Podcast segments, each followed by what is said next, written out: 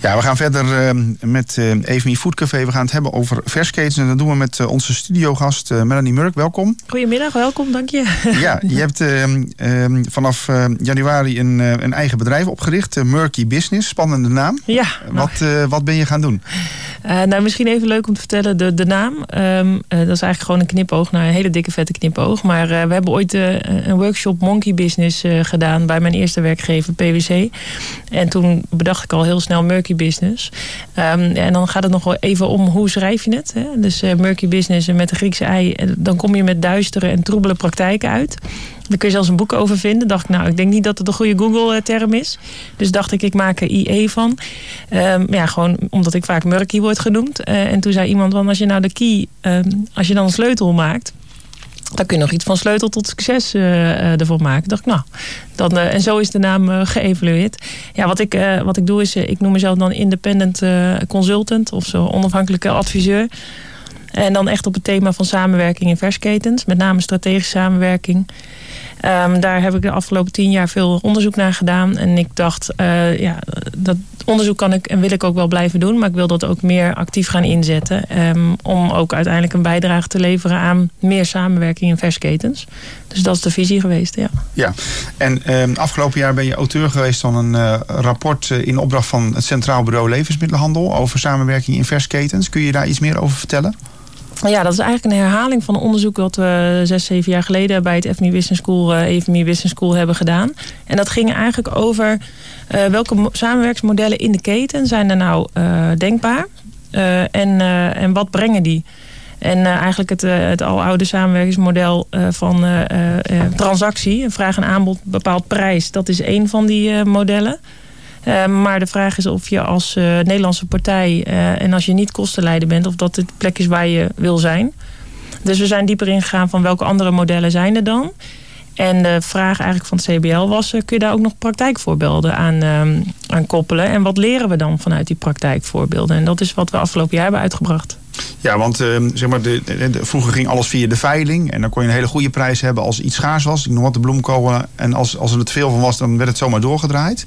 Dat zijn dan de open ketens volgens mij in dat rapport. En je gelooft uiteindelijk meer dat, dat we in gesloten ketens gaan werken. Hè? Kun, kun je daar iets meer over zeggen? Ja, nou ja, sowieso goed om uh, te vertellen dat er uh, meer dan 100 ja, vertegenwoordigers van de verschillende schakels uit de keten hebben deelgenomen aan het onderzoek. Dus het is niet wat ik geloof, maar wat, wat de keten eigenlijk zegt dat, dat er waarschijnlijk gaat gebeuren. En wat, uh, wat daar terugkwam is dat uh, de, ja, de open markt, zeg maar, uh, het, transactie van bulk, dat blijft nog steeds bestaan. Maar dat gaat wel afnemen in omvang, met name volume.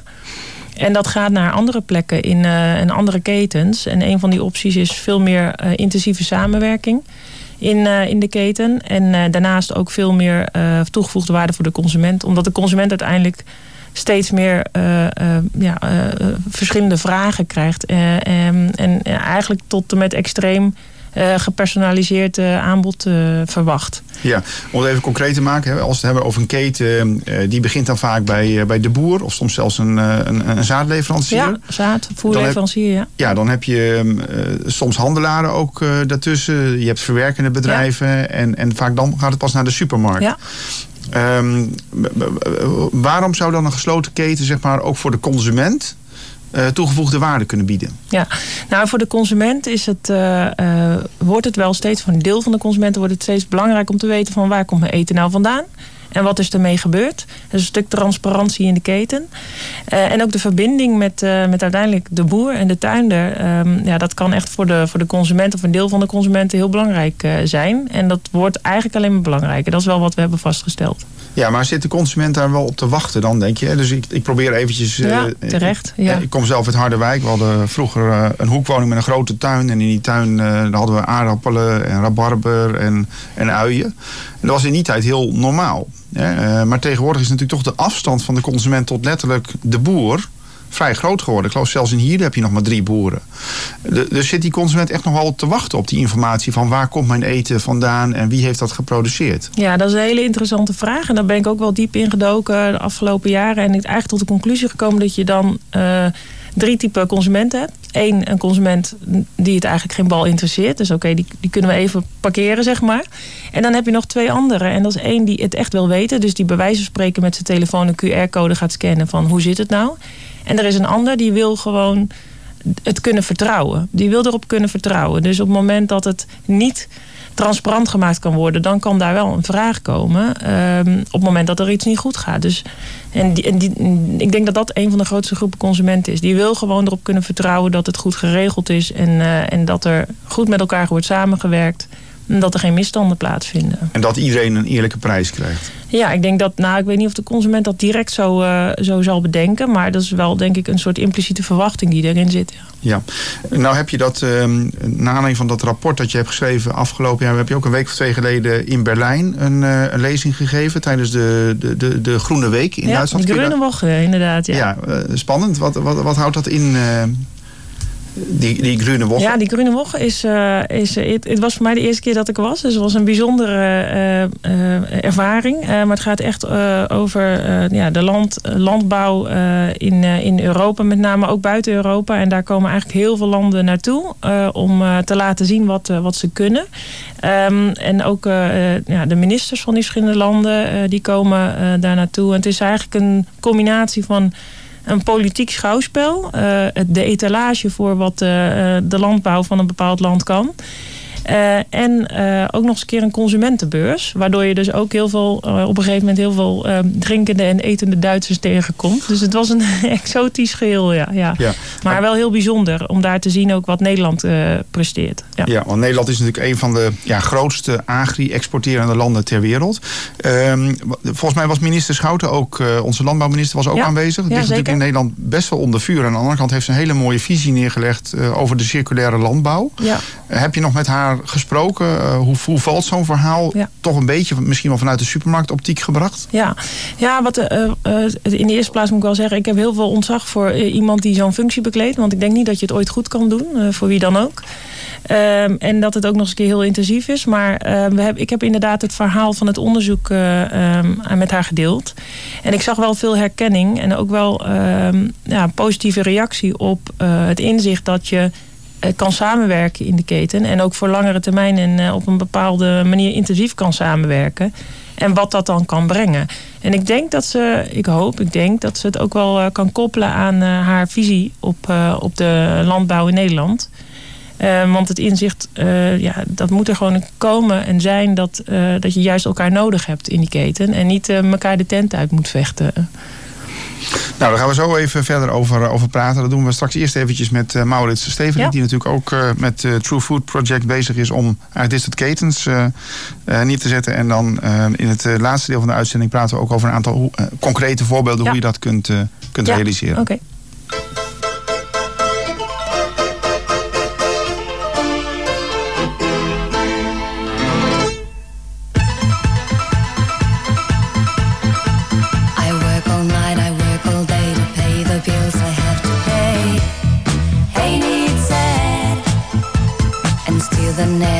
seems to be a single penny left for me. That's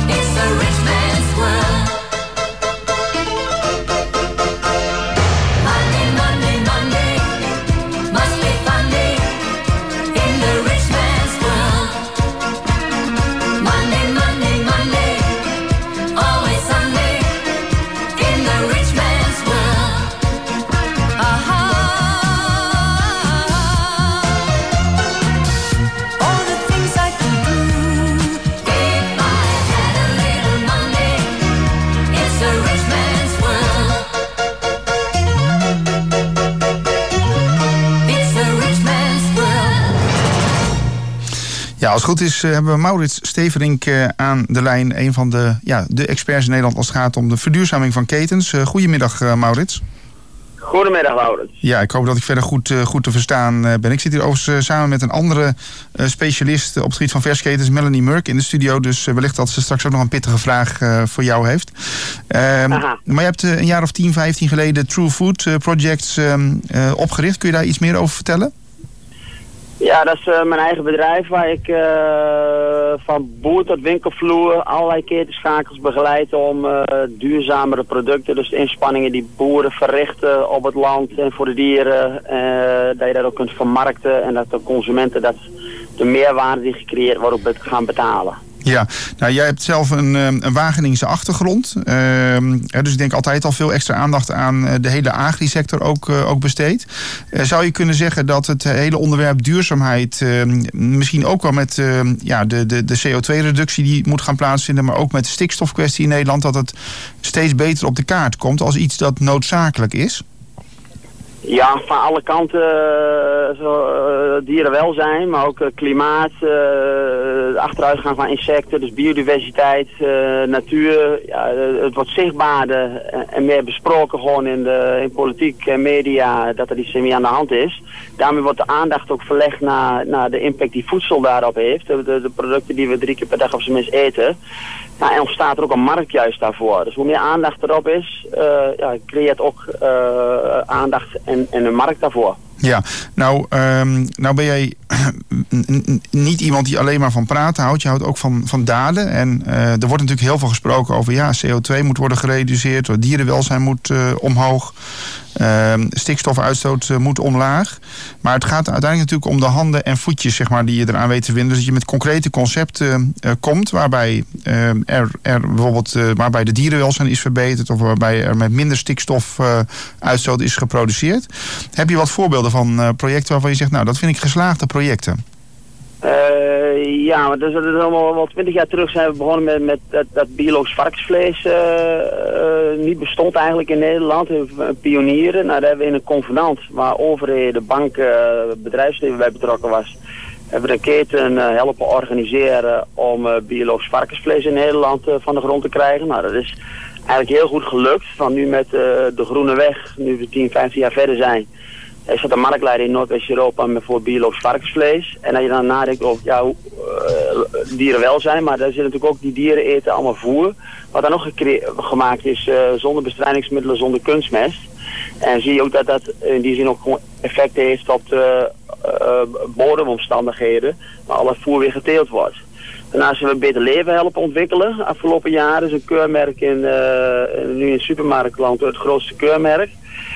En dan zie je het initiatieven, uh, beide die ik nu noem, hebben, zijn beide hebben die uh, een, een, onafhankelijk keurmerk. En je ziet dat dat, niet dat ik per zeg van je moet uh, altijd keurmerken gebruiken, maar ze helpen wel om duidelijk te maken dat er een meerwaarde in zit. En zoals Beter Leven, een keurmerk van de dierenbescherming met 1, 2 en 3 sterren ja, is van, van niks uh, in 2007 naar het grootste keurmerk in supermarkt uh, uh, winkelschap geworden voor allerlei foodproducten.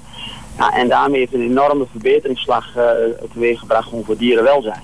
Kun je dan, kun je, en heel concreet, hè, dus dat beter leven uh, is, is zowel door de supermarkten als uh, door de boeren als door de verwerkers eigenlijk uh, opgepakt. Ehm, maar wat betekent dat concreet dan bijvoorbeeld voor het dierenwelzijn van bijvoorbeeld een kip of een varken? Voor een kip wil dat dan zeggen dat een kip een, een, dat alle rassen gebruikt worden, traag groeiende rassen. Dus die minder hard groeien. Uh, en dat de dieren ook nog uh, langer leven, een, dag of veertien langer. Uh, dat er een lagere bezetting is. En dat de kippen ook nog een, een opdekte uitloop erbij hebben. En dat is ja, meer ruimte, meer dag- en nachtlicht. Dus voor de, de, de, omstandigheden van de, zeker vleeskuiken, hè, dus de kippen die we houden voor, voor, voor de, de kipvleesproducten, ja, is dat een enorme verbetering. En zie je ook een bijeffect gewoon op gezondheid, dat je dan, dan onbedoeld maar wel een uh, mooi effect wat erbij is gekomen. Dat je 95% minder antibiotica gewoon uh, nodig hebben op dat soort bedrijven. Gewoon omdat het hele bedrijfssysteem achterin richt. Dus uh, onwaarschijnlijk één sterretje beter levenkeurmerk op pluimveevlees. ja, het is een small step voor de ster, maar het maar is een big step voor dierenwelzijn en ook antibiotica gebruik. Ja, en nou ja, ik kan me voorstellen dat je er dan ook wel trots op bent dat je daar ook aan hebt bijgedragen tot het realiseren van zo'n nieuwe keten. Ja, zeker. En, uh, en wat ook mooi is, hoe een, een dierenbescherming, dat is een maatschappelijke organisatie uh, die, die van uh, ja, beleidsmatig werken en, en veel voor huisdieren inzetten. Maar ook dat er een, hoe bedrijven ja, een steentje bijgedragen hebben dat die elkaar ook goed begrijpen wat hun samen bindt. En dat je beter kunt samenwerken dan elkaar vlooien afvangen en allemaal zeggen wat niet goed is. Uh, en als je met elkaar uh, zegt van ja, de, dieren kunnen een beter leven krijgen en we kunnen minder stikstof en we kunnen minder CO2. Maar dan moet er inspanning wel betaald worden. Voedsel moet gewoon duurder worden, maar daar moet er wel meerwaarde in zitten. Maar als je dat deelt, dat deelt eigenlijk iedereen. Dus, dus als je elkaar dan vindt en dan ook lange termijnvisies uh, neer durft te leggen en de handjes vast durft te houden lange termijn.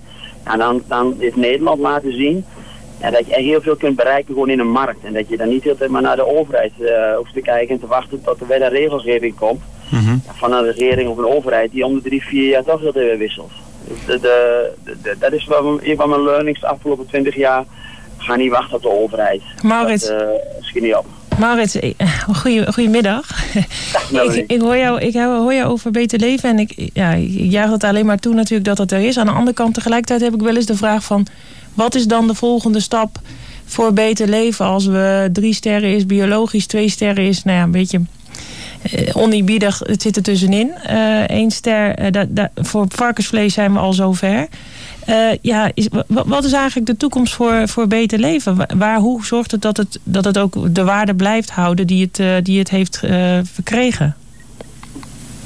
Uh, goed blijven doorwerken, alles actueel houden. Maar je schetst, we zijn al heel eind. Ja, dat is alleen maar bij varkensvlees. Zie je alleen nog maar in de supermarkt afzetkanalen. Dat is maar één van de afzetkanalen waar wij mensen eten. Uh, daar is vers varkensvlees helemaal vervangen nu door ster beter leven. Maar bij kip is dat niet het geval. Daar is, is maar heeft het een 20% omzetaandeel. Dus daar is nog, zijn nog enorme omzetslagen nog gewoon te halen om meer dieren een beter leven te geven. En het hele foodservice-kanaal, ja, dat ligt helemaal nog open. Die, die, daar, daar staan we nog aan de beginavond van het introduceren van dierlijke producten waar ik dan met name in werk. Die ook een met een onafhankelijk keurmerk ook een, meerwaarde bieden. Ja. Dus, die loopt ja, echt ver achter. Ik kan me voorstellen want dat er nog heel veel te winnen is. Tegelijkertijd staat het ook op een, een blikje Unox. En dan, dus ja. dan loop je ook het risico dat het, uh, ja, dat het zeg maar, ja, dat de inflatie plaatsvindt op je, op je keurmerk. Uh, ja, voorlopig nog geen last van. Want de okay. cijfers 2019, eerste helft, is nog gewoon een 28% groei. Uh, in, in zo'n keurmerk. Dus de, uh, ik zou, de, de, tijd om al te gaan somberen of, is nog niet aangebroken. Nee. Maar wat ik wel zie is dat de dierenbescherming wel gewoon aan de doorwerk is. maar ook retailers nu zelf, die ook al weer zelf initiatieven nemen om of varkensvlees of rundvlees zelf alweer extra stappen te zetten. Uh, soms, soms ook los van een, een keurmerk. Ja. Ja. Dus je ziet er heel veel markt, eh, er is nu heel veel uh, interesse van merken en, en, en, dus ook keurmerken om die doorontwikkeling in te zetten. En toen ik ooit met dit werk begon, ik kom vanuit de reguliere vleesindustrie in Wageningen, wat Laurens zei in die tijd, twintig jaar terug, uh, kon je hier niet eens over praten. Want dan uh, werd het al als een aanval beschouwd. En nu, uh, vanuit een sector. En nu zie je gewoon dat iedereen zoeken is. hoe kan ik het zeg maar, nog beter doen. Ja, je noemde al eventjes uh, de dierenbescherming. Ik denk dat dat een, uh, een NGO is die uh, echt voor samenwerking is gegaan. Je hebt natuurlijk ook Wakker Dier die continu campagnes op tv houdt. Die soms ook Albert Heijn bestelbusjes achtervolgt, dat soort zaken. Hoe kijk jij aan tegen de rol van NGO's eigenlijk bij het ja, veranderen van ketens? Ja, dat ze echt kunnen helpen om uh, complexe materie, uh, en dat zit in de, in de hele voedingsketen, is het verduurzamen. Uh, ja, dat is echt wel werk van, ja, waar ik zelf ook in opgeleid ben, van techneuten, dus van voedingsdeskundigen, genetici, huisvestingsdeskundigen, voedselsysteemdeskundigen. dat is heel complex. En consumenten willen ook gewoon ontzorgd worden, zeg maar wat goed is. En, en dan zie je dat binnen die hele wereld van NGO's, waar je ja, het ook wel zeg maar, hele radicale hebt, is echt wel behoefte aan, aan degelijke NGO's die die dialoog opzoeken. En merken en bedrijven gewoon helpen bij het betrekken van consumenten. En dus dat, dat vergt ook wel vaardigheden van een NGO. Moeten ze ook willen en ook op georganiseerd zijn. Maar daar is wel er zit heel veel kracht. Maar het is niet elke NGO gegeven op dit moment. Ja, nog even naar de, de, naam van je bedrijf is True Food Projects. En True zal ook wel een beetje verwijzen naar True Pricing. Hè? Dus, dus eerlijke prijzen waarbij ook ehm, bijvoorbeeld uh, vervuiling uh, in kaart wordt gebracht en waar, waar ook een rekening voor betaald moet worden dan. Um, hoe, hoe, dichtbij zijn we bij true pricing als het gaat om, um, om voedingsmiddelen? Uh, ja, dat, vind ik moeilijk. True staat voor, voor echt en eerlijk zijn, veel meer. En, en, en, uh, en uh, niet te veel omheen praten, maar gewoon eerlijk zijn wat het is en daar je, je, je, je, meerwaarde ook voor vragen. True pricing is, is kan ik, vind ik heel moeilijk hanteerbaar. Omdat je ook wel ziet dat in de markt, als ketens efficiënter kunnen werken, kunnen ze soms ook voor een lagere prijs toch diezelfde meerwaarde leveren. En, nou, en, en die marktwerking is echt wel heel nuttig. maar wat wel moet gebeuren is dat we een, en dat kan fiscaal ook aan helpen, als kerosine geen belasting heeft en, en diesel en benzine wel, ja, en de luchtvaart groeit, ja, dan, dan, dan groeien ze wel zeg maar, echt ten koste van, van milieu. En hebben ze ook een concurrentievoordeel kunstmatig gekregen ten opzichte van andere vervoermiddelen. Dus de overheden moeten vooral kijken naar waar zitten verborgen vervuilingen, kosten die we later toch moeten maken.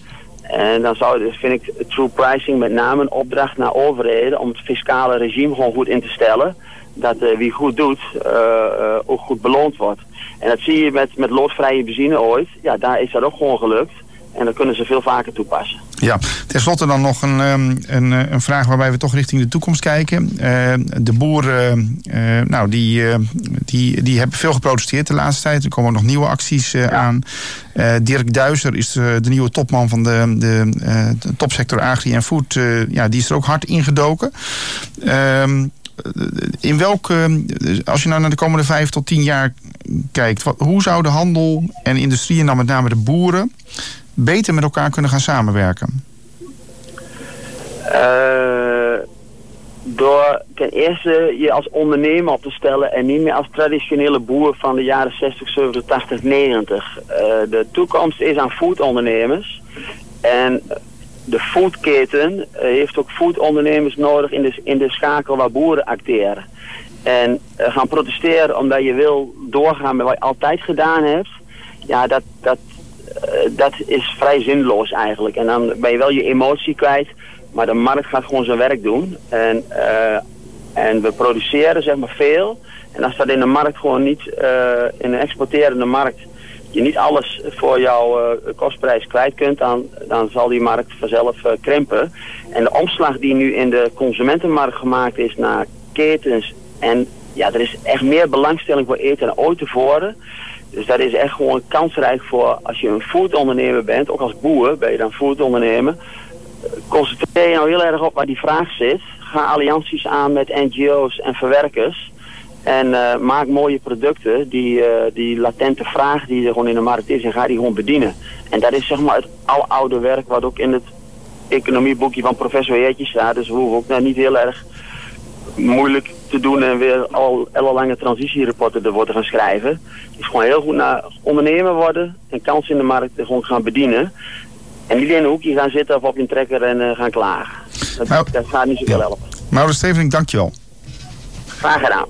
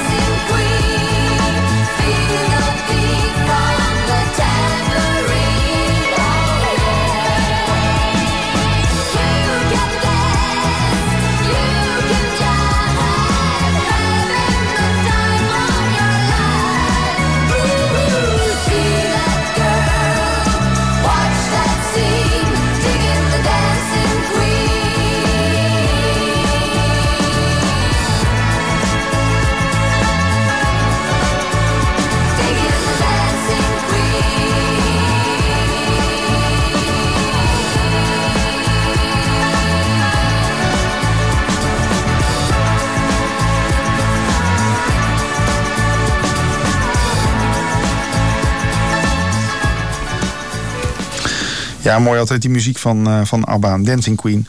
We gaan verder eh, met eh, onze studiogast Melanie Murk van Murky Business, vers en ketenexpert in, in Nederland. Ehm, ja, Maurits Steverink hadden we net eh, aan de lijn Ja. van eh, True Food eh, Projects. En ja, die laat toch wel zien dat er best wel veel gebeurt. Hè. Het Beter Leven systeem met 1, 2 en 3 sterren onder andere. Ehm, maar uiteindelijk om, hè, het, het gaat uiteindelijk om concrete voorbeelden natuurlijk. Waarmee je een keten zeg maar Ja. ja, kunt introduceren. En, en dat die dan ook succesvol is. Ehm, de naam Kipster is al even gevallen. Wat, wat, wat weet jij van dat project dat van Kipster en Lidl? Ja, Kipster vind ik een heel mooi voorbeeld. Eh, eh, waarin eh, de, de, de pluimveehouder met Wageningen onder andere een concept heeft bedacht. Hè, wat, ja, wat speciaal is gericht op circulariteit. maar ook eh, eh, eh, zeg maar de, de rest, zeg maar restproducten. En dat, dat klinkt heel hard, maar de, de haantjes. Die worden wel in leven gehouden. En vervolgens worden daar haanburgers van gemaakt. En uiteindelijk liggen, liggen er ook kipster eieren in de supermarkt. En die hebben daar echt een eh, exclusieve samenwerking met Lidl eh, eh, voor opgezet. En wat ik heb begrepen is dat Lidl heeft gezegd: wij willen dit. Eh, en wij gaan ons ook gewoon committeren om dit vijf jaar af te nemen. Alles. En dat is het hele bijzondere in dit voorbeeld. Dat, eh, dat, eh, nou ja, dat er zoveel commitment naar elkaar is eh, afgesproken. Dat er ja, heel veel continuïteit in die keten komt. Hoe, hoe belangrijk is, is het dat een retailer zeg maar, dat commitment geeft, ehm, zo, hè, eh, zodat misschien ook wel een partij weet: oké, ik kan hier drie, vijf of tien jaar mee verder? Ja, dat is cruciaal als het gaat om de investeringen die worden gedaan aan het begin van de keten. Ehm, Maurits had het over ondernemerschap, ja. Maar elke ondernemer met boerenverstand, om het maar te noemen, die gaat niet investeren op iets wat na zes weken uit schap eh, kan worden gehaald.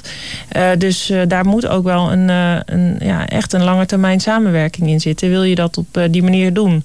En ja, dan is een retailer is daar gewoon heel belangrijk in. Ja, nou, nou geeft Lidl ehm, een mooi voorbeeld met Kipster. Hè, dus, eh, en dat ze dus niet alleen de eieren eh, afnemen, maar uiteindelijk ook het hanenvlees. Ja.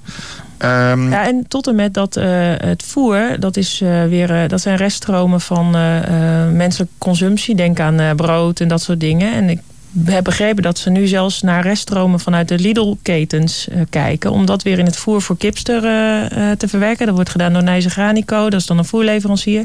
En om dat dan in die, in die stroom... dus dat gaat echt ver, dat die stappen worden gemaakt. ja, is dat dan een, een mooi voorbeeld van de circulaire landbouw waar minister Schout het dan vaak over heeft? Ik denk dat dat wel echt een serieuze aanzet is. En dan zie je dus ook dat juist die samenwerking belangrijk is. Anders krijg je het niet in kaart hoe je het circulaire moet krijgen. Dus Ja, een belangrijke vraag is natuurlijk altijd van...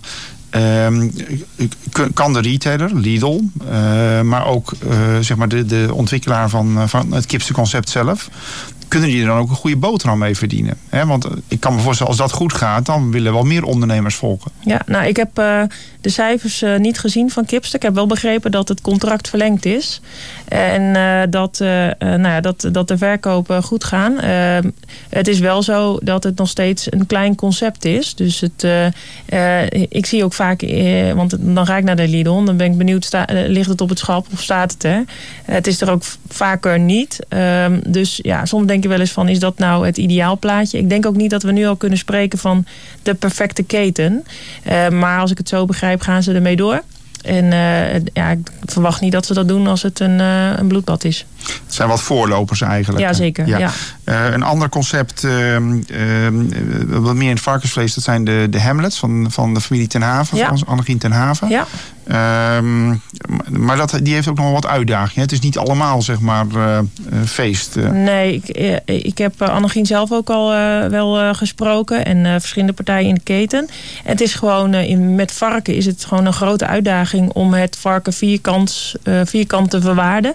Hè, dus eigenlijk dat je alles wat het varken, wat je kan gebruiken van het varken tegen een zo hoog mogelijke waarde de markt inbrengt.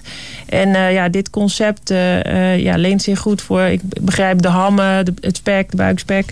Maar er zit nog wel veel meer aan een varken. En daar moet die waarde ook voor komen. En dan eh, wordt het een heel lastig spel tussen eh, de meerkosten die je maakt en de totale waarde die je voor zo'n eh, product krijgt.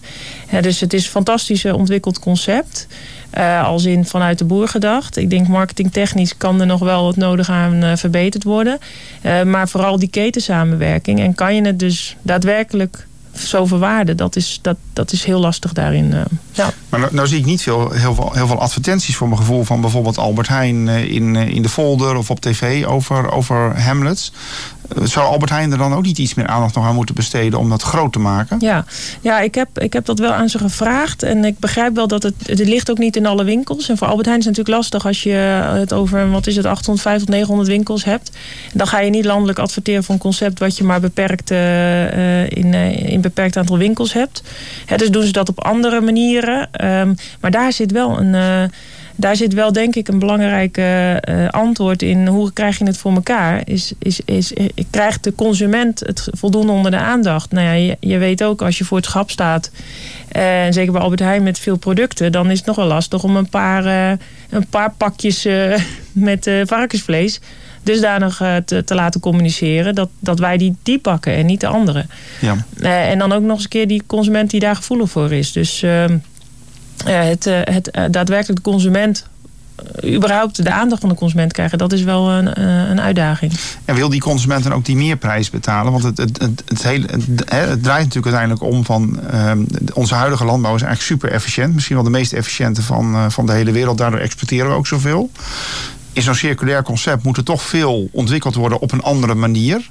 Dat leidt natuurlijk ook vaak tot een ja, tot meer kosten. En misschien ook wel een meerprijs van 30 procent. nou lees ik heel vaak onderzoeken dat consumenten zeggen dat ze bereid zijn dat te betalen. Maar in de winkel dan opeens zien ze kilo knallen liggen. En dan, ja, dan gaat de hand eigenlijk naar een ander deel van het schap. Ja, ja, nou goed, ik heb ook wel wat rotatiecijfers gezien van bijvoorbeeld biologisch. En dat is nog niet zo dat het het schap afvliegt. Dus eh, ik denk dat een deel van de consumenten dat wel wil betalen. Het interessante is wel dat de consument uh, echt anders aan het consumeren gaat. En zeker naar de toekomst toe. Dus meer groenten.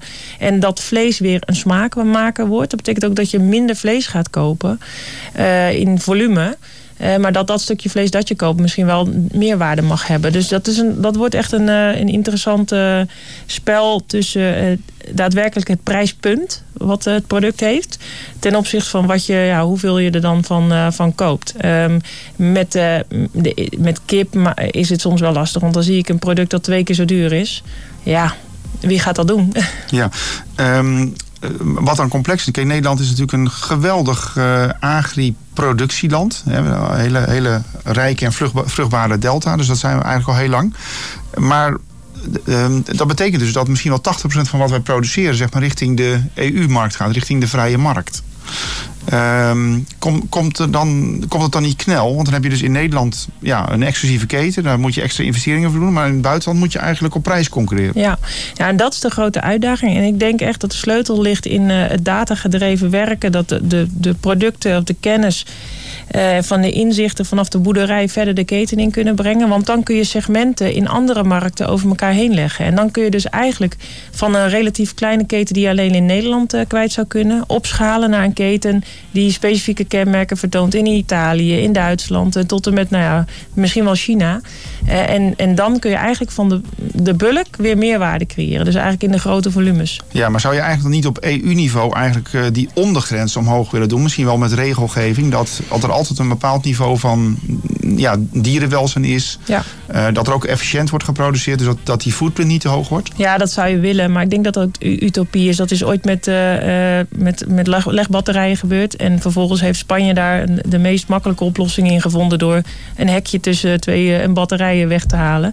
En Nederland is daar veel verder in gegaan. Dus ik denk die verschillen hou je. En het is utopie om te denken dat je dat vanuit wetgeving... dat echt kan, kan gelijk trekken. Ja, Ehm, nou, jij hoopt uiteraard de komende jaren nog bij veel projecten eh, betrokken te zijn. Ehm, als jij zeg maar je ogen dicht zou, zou doen en je zou 10 of 15 jaar verder kijken, wat zou er dan gerealiseerd moeten zijn in Nederland? Ja. ja, ik denk dat in Nederland, eh, dat, eh, we hebben het wel eens, hè, er wordt geroepen halvering van de veestapel en dat soort dingen. Maar wie zou niet met de helft van wat hij eh, aan middelen heeft hetzelfde willen verdienen? En dat, dat vind ik echt wel een, een mooi uitgangspunt. En dat wil niet zeggen dat iedereen hoeft te stoppen. Maar ondernemerschap is daarin belangrijk. En hoe ga je nou echt goed geld verdienen met de inspanningen die je verricht? Dat zou eh, voor de hele keten fantastisch zijn. Oké, nou dat is een mooie, mooie wens. Uh, Dank je wel uh, dat je de studiogast vandaag wilde zijn, Melanie Burk. Uh, ook de andere gasten die, uh, die telefonisch hebben ingebeld, uh, dat, dat zijn Peter Garstenveld, de hoofdredacteur van Distrifood en Food Magazine. En Maurits Steverink, de oprichter van True Food Project, wil ik van harte bedanken. En uiteraard onze technicus Marcel Bonte, rots in de branding van, van Radio Nunspeet. Hartelijk bedankt dat je deze uitzending wilde schuiven.